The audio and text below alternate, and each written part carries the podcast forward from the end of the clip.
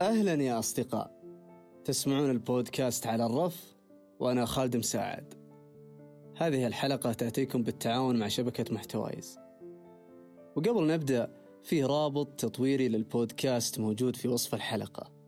هالرابط بيساعدنا كيف نتطور وكيف نغير من أدواتنا ونسمع لوجهات نظركم سواء كانت اقتراحات أو انتقادات أو اقتراحات مواضيع. مشاركتكم تسعدنا بكل تأكيد.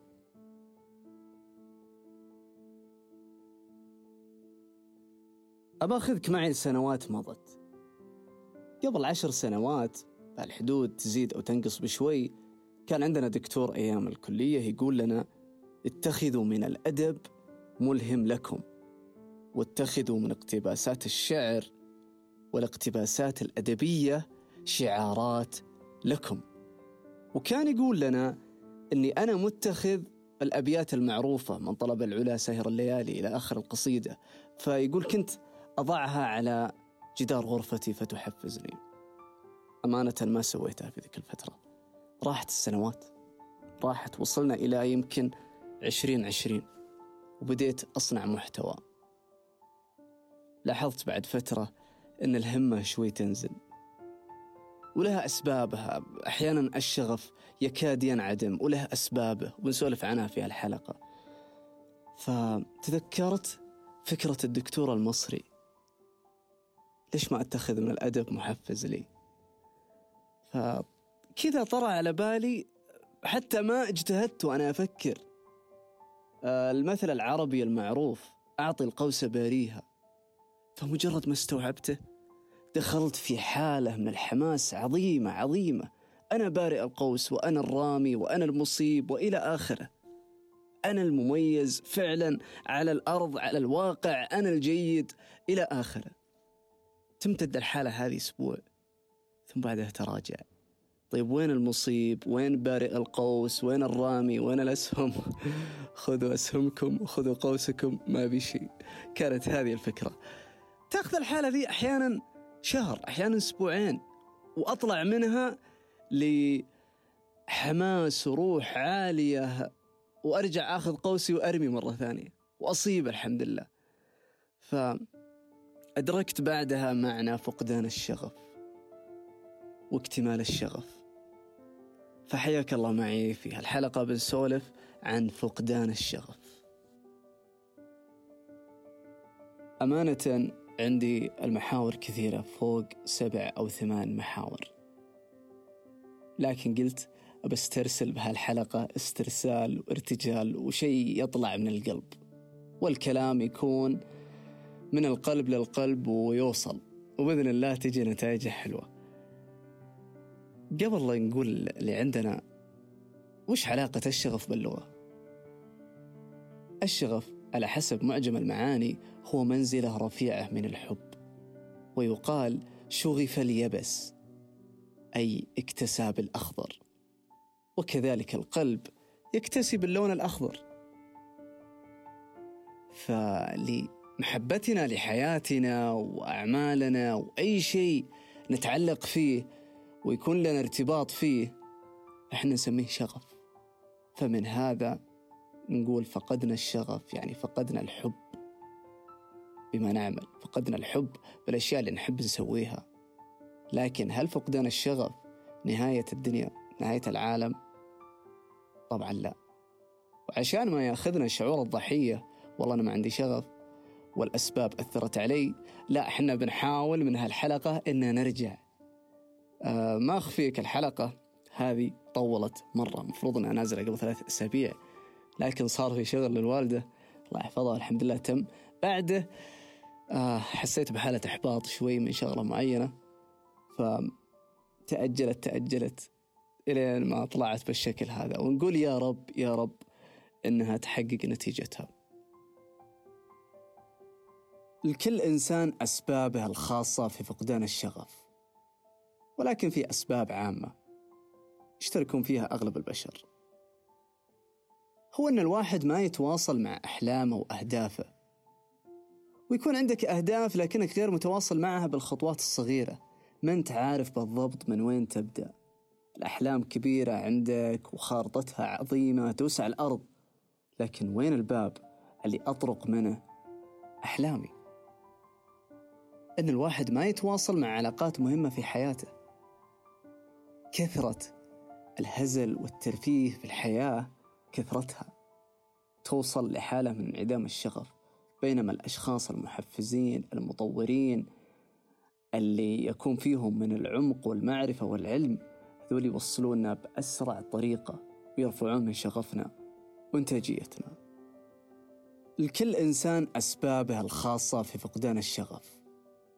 ولكن في أسباب عامة يشتركون فيها أغلب البشر. هو أن الواحد ما يتواصل مع أحلامه وأهدافه ويكون عندك أهداف لكنك غير متواصل معها بالخطوات الصغيرة. ما أنت عارف بالضبط من وين تبدأ. الأحلام كبيرة عندك وخارطتها عظيمة توسع الأرض لكن وين الباب اللي أطرق منه أحلامي؟ أن الواحد ما يتواصل مع علاقات مهمة في حياته. كثرة الهزل والترفيه في الحياة كثرتها توصل لحالة من انعدام الشغف بينما الأشخاص المحفزين المطورين اللي يكون فيهم من العمق والمعرفة والعلم هذول يوصلونا بأسرع طريقة ويرفعون من شغفنا وإنتاجيتنا. كذلك فقدان الاستقلالية. كل ما كان الإنسان مقيد كل ما كان هناك سبب لفقدان الشغف. الواحد ما يتحرك وما يسوي نشاط حقيقي فقط يفكر. يمكن يكون في أشخاص عندهم الأهداف وعندهم التنفيذ وعندهم السهولة والتيسير اللي من خلاله يسوون أهدافهم مع ذلك ما يتحركون. أما يكون يخاف من النتائج أو يكون من الأشخاص اللي يتلذذون في الخيال الواسع في الحياة اللي بذهنه. لكن ما يحاول أنه يطلعها على أرض الواقع. كذلك إذا ما كان في بيئة تنافسية حاول توجدها ولو مع شخص أو شخصين. صح أن الواحد ما يقارن نفسه بالناس لكن جميل أنه يتنافس. الحياة ميدان تنافس. وفي شيء مهم فقدان القدرة على الاختيار. كل ما وصل الإنسان لحالة أنه ما يقدر يختار كل ما قال خلها زي ما تجي تجي. من سمات هالوقت أن المخاوف عالية. صرنا نخاف من أي شيء. الواحد يخاف أحيانا من نتائجه رغم أنه مقدم كل شيء. الواحد أحيانا توصل أنه يخاف من عواقب أمور يمكن هو ما سواها بعد. هذه مبالغة. لكن يكون الشيء فعلا أعطى كل ما عنده فيه. وخلاص. المفروض أنه يعذر نفسه مع ذلك. لا ينتظر النتائج. يعني لو كان مثلا مادة صعبة صعبة صعبة جدا ويا عساك تجيب فيها دال تجيب فيها جيم. مع ذلك الواحد يخاف ويمكن يزعل من نفسه. الموضوع أحيانا يكون خارج الإمكانيات. لازم نعذر أنفسنا. وعلى هذا نقيس مو بس بالاختبار. فأحيانا كثرة الخوف كثرة القلق. هي من سمات هالوقت هذا. والسبب هو التسارع اللي فيه. هو كثرة الأعمال كثرة الأشغال. ما فيه أي راحة للذهن ما فيه أي راحة للجسد من تصبح إلى أن تمسي. والحياة في حراك في سرعة. حتى الترفيه عندنا سريع. تيك توك يعني بعشر دقائق تخلص مئة مقطع بنفس اللحظة ولا عندك أي مشكلة. هذا يأثر على الذهن يأثر حتى على الاستقرار النفسي والعاطفي. يأثر على كل أنواع الاستقرار فينا. استعرضنا المشكلة واستعرضنا الأسباب.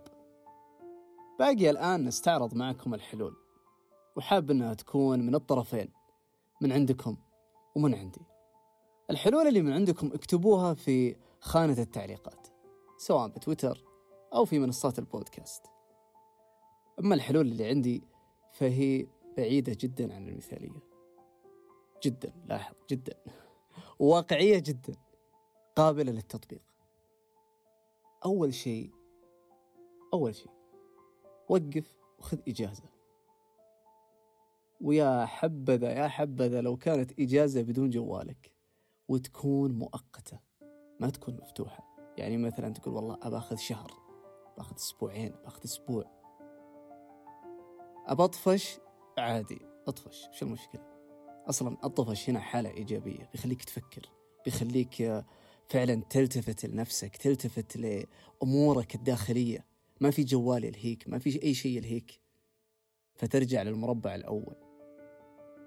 اللي ما سويت شيء.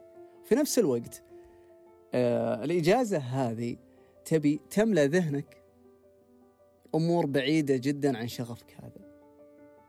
يعني لنفترض مثل وضعي أنا نقول صانع محتوى. فأنا كل يوم أفتح جوالي يطلع بعيني أبل بودكاست تويتر صناع محتوى ما شاء الله. وأنا صار لي شهرين ثلاثة شهور ما نزلت شيء وما لي خلق أنزل شيء. فمجرد ما أخذ إجازة شهر خلال الشهر هذا أنا أصلا ما أشوف جوالي ولا أشوف صناع المحتوى ولا أشوف المحتوى بكبره. كلمة محتوى ما تطلع لي.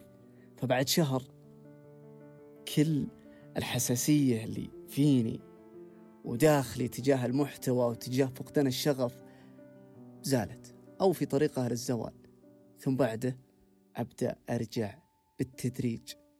الرجوع يكون بالتدريج ما يكون على طول مباشرة على طول مباشرة نتائج عكسية. مثل اللاعب الآن اللاعب إذا رجع من إصابة ما يجازف فيه المدرب من أول مباراة. يمكن ترجع له إصابته. يلعبه أربع خمس مباريات كل مباراة يلعب بوقت معين لحد ما يكمل 90 دقيقة. مباراة كاملة. التوقف المؤقت عن المعايير العالية في الإنجازات. جميل أن الواحد يرفع سقف طموحاته اللي تنافس عنان السماء. جميل جدا. ولكن في حالة فقدان الشغف نرضى بأبسط بأبسط النجاحات. لأن النجاح على النجاح راح يعيدنا أن نفعل أشياء عظيمة. والحياة كلها عبارة عن تراكمات والنجاحات كلها عبارة عن تراكمات ما حد ينجح من أول مرة. لابد من صعود درجات السلم. خيبة على نجاح خيبة على نجاح نجاح صغير على نجاح صغير لحد ما تجي النجاحات الكبيرة. وهكذا تتكون الخبرات.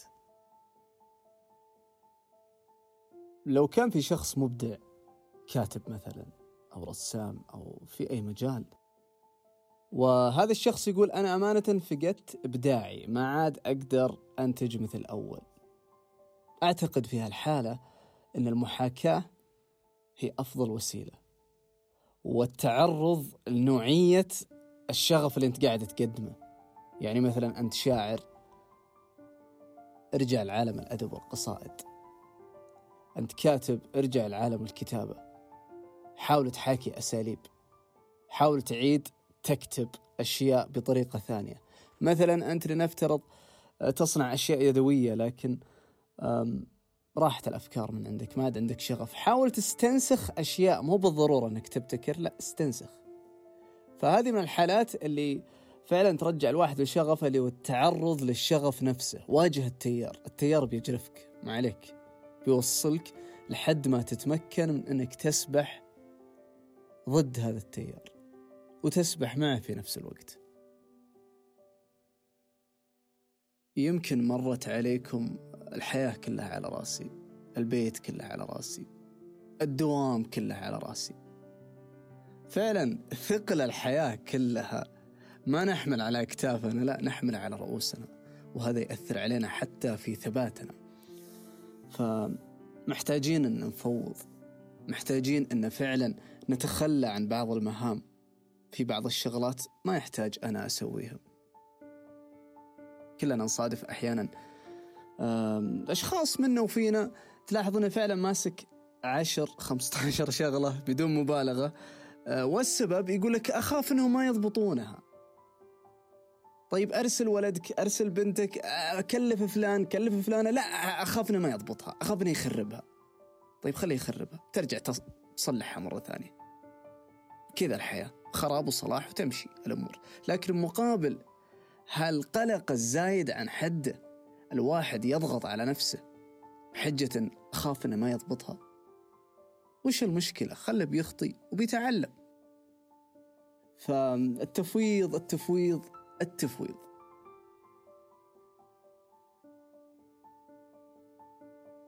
أخيرا وهي ما هي نصيحة؟ قد ما هي وجهة نظر. أو مبدأ أنا منتهجه. أي مشكلة تكون موجودة لازم نبدأ الحل حتى ما يأخذنا دور الضحية. إي نعم الحياة قائمة على الكدر الحياة قائمة على الهم على الغم وزي ما فيها هم وغم فيها بشارات وفيها خير وفيها توفيق بإذن الله. فلازم أن الإنسان إذا وقع في مثل هالظروف أنه يحاول يرجع ينهض. ولا يبرر لها. نعم هي فيه ظروف تسبب انعدام الشغف ظروف تسبب الهموم ظروف ظروف تسبب كل هذا. ما يمنع ننكسر لها فترة لكن ما هو طول العمر. لأن كثر الأعذار تصنع منا أشخاص مرتخين أكثر.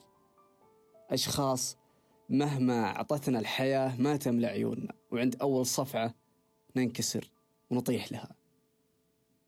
لابد أن نكون بحجم كبد الحياة. لابد أن نكون في كل هالصلابة هذه.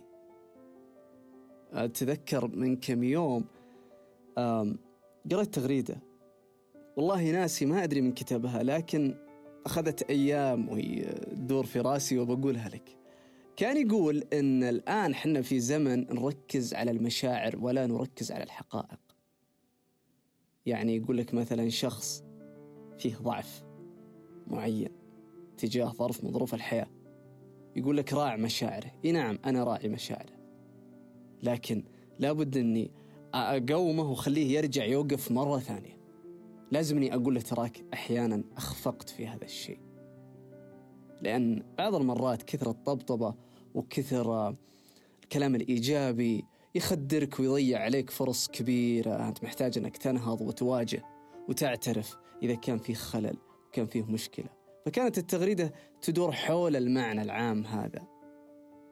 فيمكن أنا قلتها هذه المرة الثالثة لا يأخذنا دور الضحية في كل وقت. أدري يمكن ما يعجب كلامي اللي بالأخير لكن الحقائق هي اللي تصمد والرغبات والأمنيات إذا ما سندتها في حقائق ومواجهات لا يمكن تدوم والأمنيات وحدها لا تكفي. يعطيك العافية أنك سمعت الحلقة بالكامل وشاركها مع أي أحد مهتم في هالموضوع. وكذلك علقوا ودي أقرأ تعليقاتكم وأسمع وجهات نظركم. وحنا هنا نتناقش. يعطيكم العافية جميعا. يومكم طيب وليلتكم سعيدة.